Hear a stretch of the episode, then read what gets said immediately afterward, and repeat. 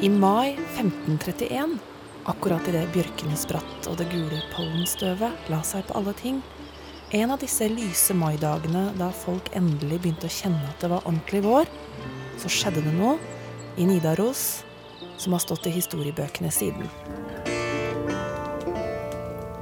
En voldsom bybrann. Brannen sto i lys lue på hele den halvøya som i dag er eh, Trondheim sentrum. Brannen spredte seg raskt i den tette trehusbebyggelsen og flammet også opp i selve Nidarosdomen, pilegrimskirka bygget på Hellig Olavs grav. Alt reisverk i tre forsvant, og den viktigste katolske bastionen i Norge raste sammen, helt uten hjelp av reformasjonen, som allerede gjorde seg gjeldende nede i Europa. Nidaros lå i ruiner, som etter den verste krigshandling, og det endte ikke der. Omveltningene for Nidaros 2000 innbyggere var ikke over. De fortsatte også i årene som kom etter brannen. Alt ble, på noen ganske få år, helt annerledes.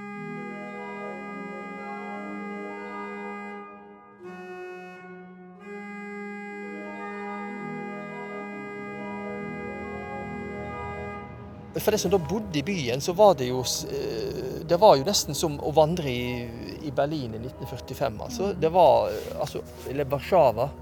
Altså, alt var på en måte ødelagt og, og flatt. Det var bare å begynne uh, på nytt igjen. Og likevel så reiste jo byen seg. Nå var det jo trehus, og det gikk jo an å bygge tømmerhus rimelig fort. Men, uh, men det, det, må jo ha satt psykologiske spor hos folk, det som skjedde si fra 19, ja, 1531 til de så erkebiskopen seile ut fjorden våren 1537. Og da var på en måte en periode slutt. Øystein Ekroll er bygningsarkeolog ved Nidarosdomen nå i 2017, og lever seg inn i hvordan tidene må ha vært for befolkningen i datidens Trondheim eller Nidaros. I disse omveltningstidene så het erkebiskop og lensherre i Nidaros Olav Engelbrektsson. Han var Norges mektigste mann. Han var både erkebiskop og dermed leder for de geistlige og for kirken. Og han var formann i Riksrådet, det nærmeste Norge kom en regjering. En sånn maktkonsentrasjon på norsk jord hadde det ikke vært siden vi hadde vår egen konge noen hundre år tidligere. En av rikdomskildene til erkebispesetet var tørrfisk. Erkebiskopen eide mye, både land og fiskerettigheter, og i tørrfisken lå det masse penger. Nedover i Europa var behovet stort for nettopp tørrfisk, for fredag var tradisjonelt kjøttfri dag, og den preserverte fisken var populær. Olav Engelbrektsson forvaltet alt dette, og var vel så mye politiker som noe annet, og blanda seg derfor i mange ting for å vinne støtte i sine saker.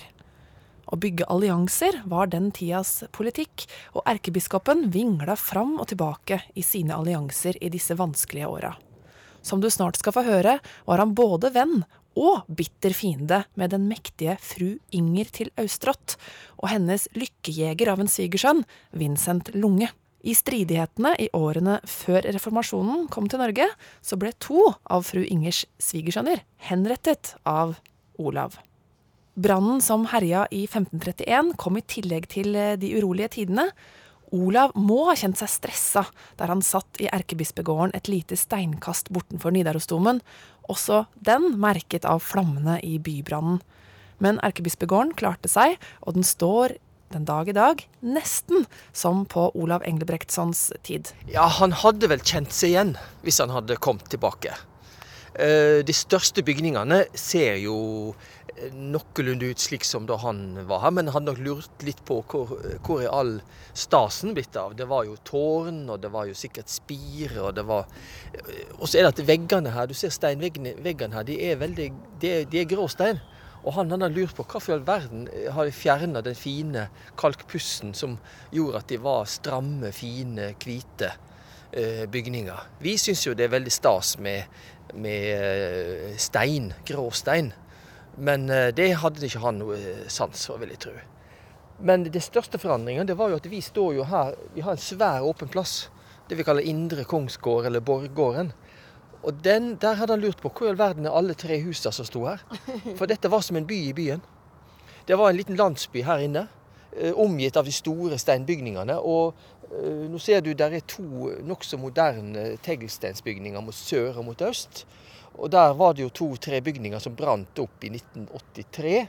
Og Da var det arkeologisk utgraving etterpå, og da fant man jo da en rekke eh, trebygninger, tømmerhus, som håndverkerne hans hadde bodd i.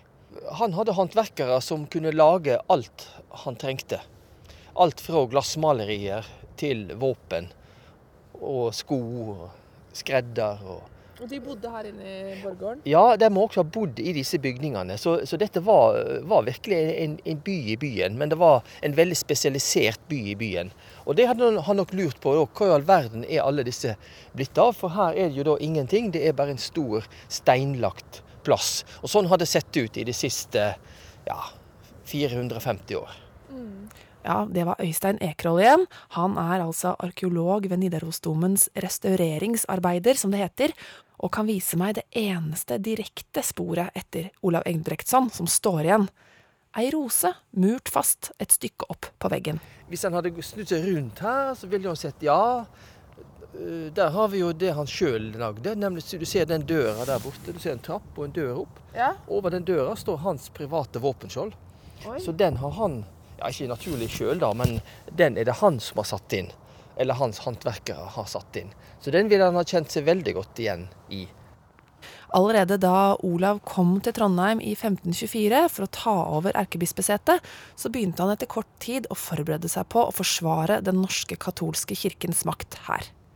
Han bygde en festning ute i Trondheimsfjorden på Steinvikholm, og han satte i gang å bygge en flåte, en fullt utrusta militær flåte. En flåte han også kom til å få bruk for til sist som skulle seile han bort fra Norge for siste gang. Fra festningen sin, som var bygga som et eh, fort med tårn og borggård i midten, det mest moderne og uinntakelige man kunne se for seg i 1525. Der, fra Steinvikholm slott, fulgte Olav med på alt som skjedde av intriger og maktspill i inn- og utland, og spesielt da i Danmark og Norge.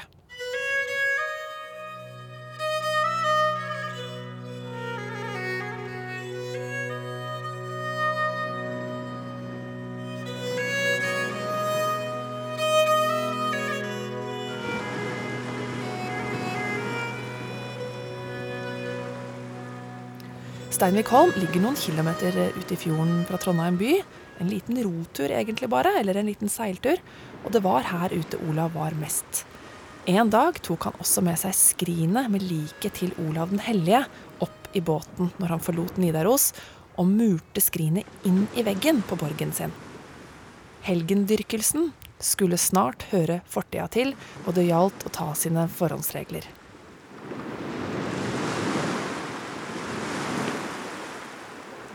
Ytterst på Fosenhalvøya, nesten ute i det åpne havet, lå, og ligger fortsatt, Austråttborgen, som har røtter helt tilbake til vikingtida, da det var en såkalt sentralgård. Og her bodde i årene før og etter reformasjonen fru Ingjerd Ottesdatter Rømer, bedre kjent som bare fru Inger, den nest mektigste i Trøndelag på denne tida. Fru Inger var også rik på tørrfisk, på gods og på gull, hun var enke og godseier og eide flere len. Altså, det å eie len betyr at hun hadde kongelig myndighet over flere større og mindre administrative distrikt. Fru Inger var en dyktig forretningskvinne. Mange har i ettertid kalt henne både grådig og kald, men det at hun var kvinne, kan nok ha farga sånne beskrivelser. Det var ikke vanlig at kvinner hadde så mye makt på 1500-tallet. Fru Inger hadde fem døtre, og ekteskap var en viktig allianse på denne tida. Det gjaldt å knytte familier sammen som kunne dra nytte av hverandre. Og danske adelsmenn var populært. Selvfølgelig, de danske hadde mektige venner som kunne trekke i tråder og sikre Austrots posisjon. Flere av fru Ingers døtre gifta seg med danske adelsmenn.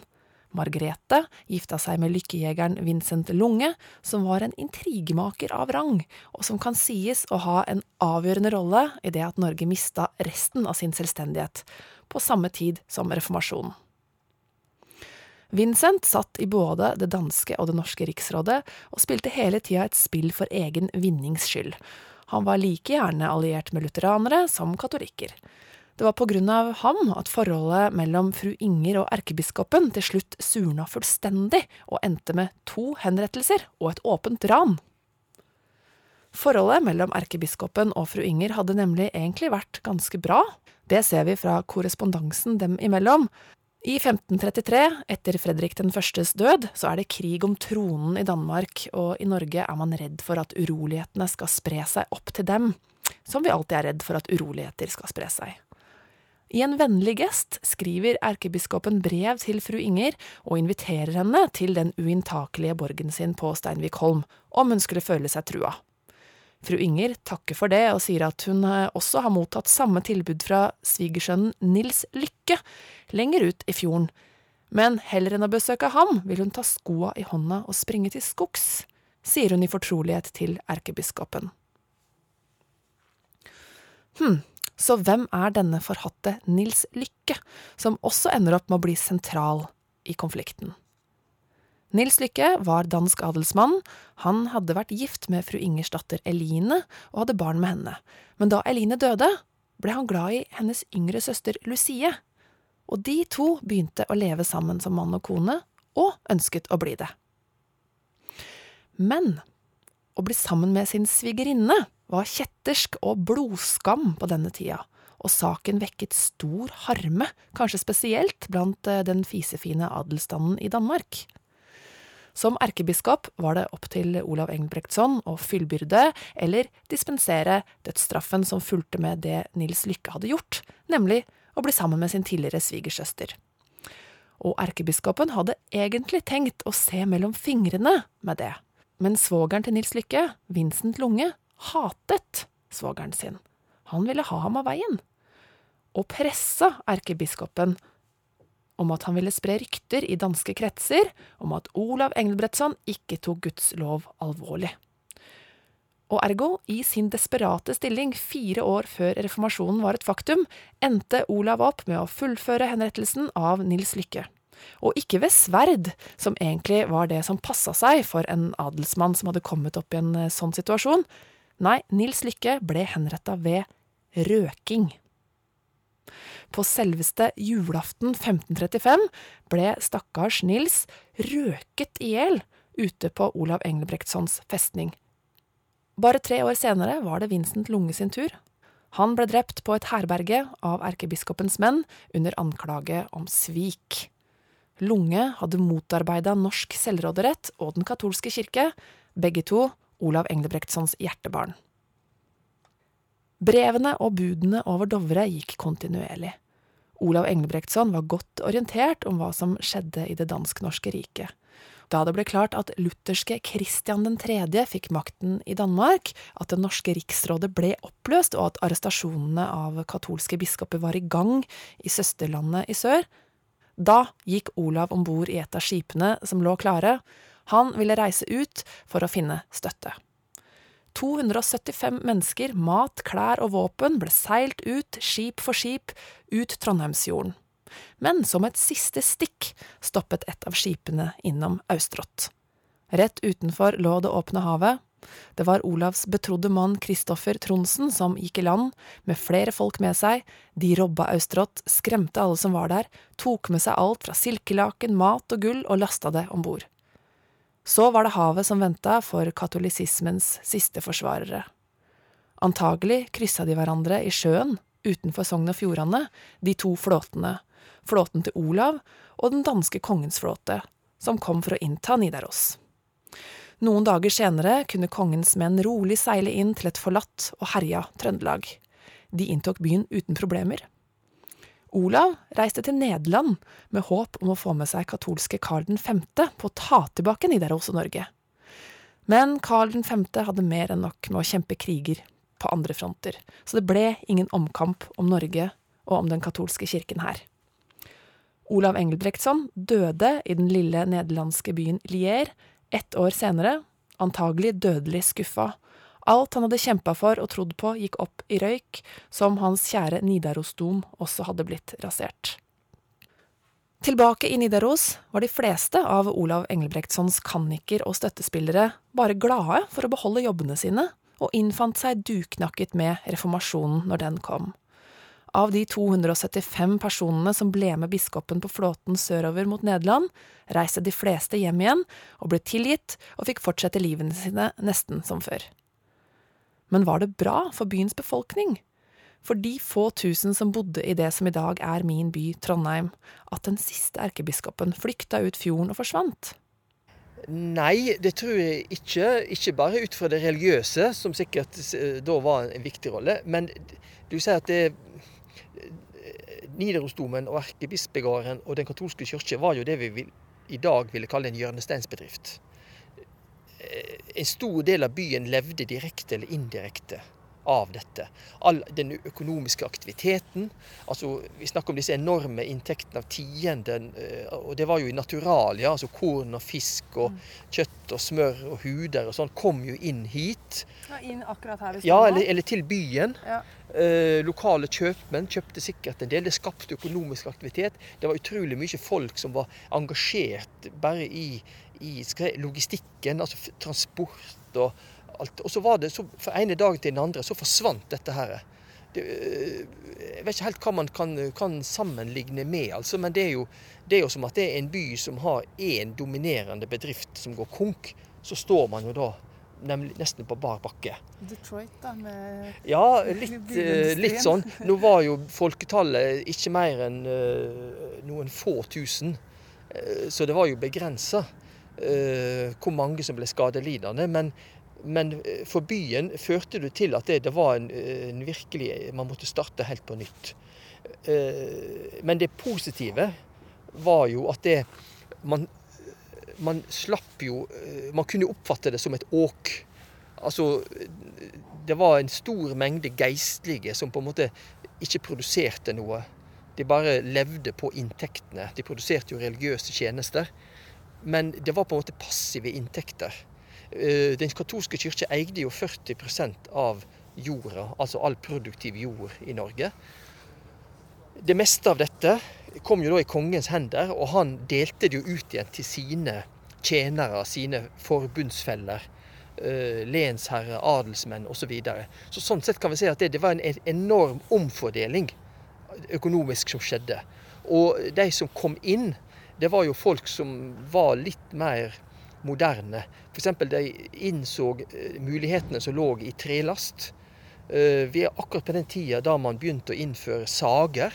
Altså man sager tømmer til plank. Eksport av trelast blir da en kjempenæring, omtrent som oppdrettsfiske oppdrettsfisk er det i dag. Det, det, gror opp sager ved alle elver. Man begynner å hogge ut skogene. Det var ikke noe pleie av skogen. Man hogg der det var tre å finne. Og dette skapte store formuer igjen. Så sånn sett er det starten på det moderne Norge.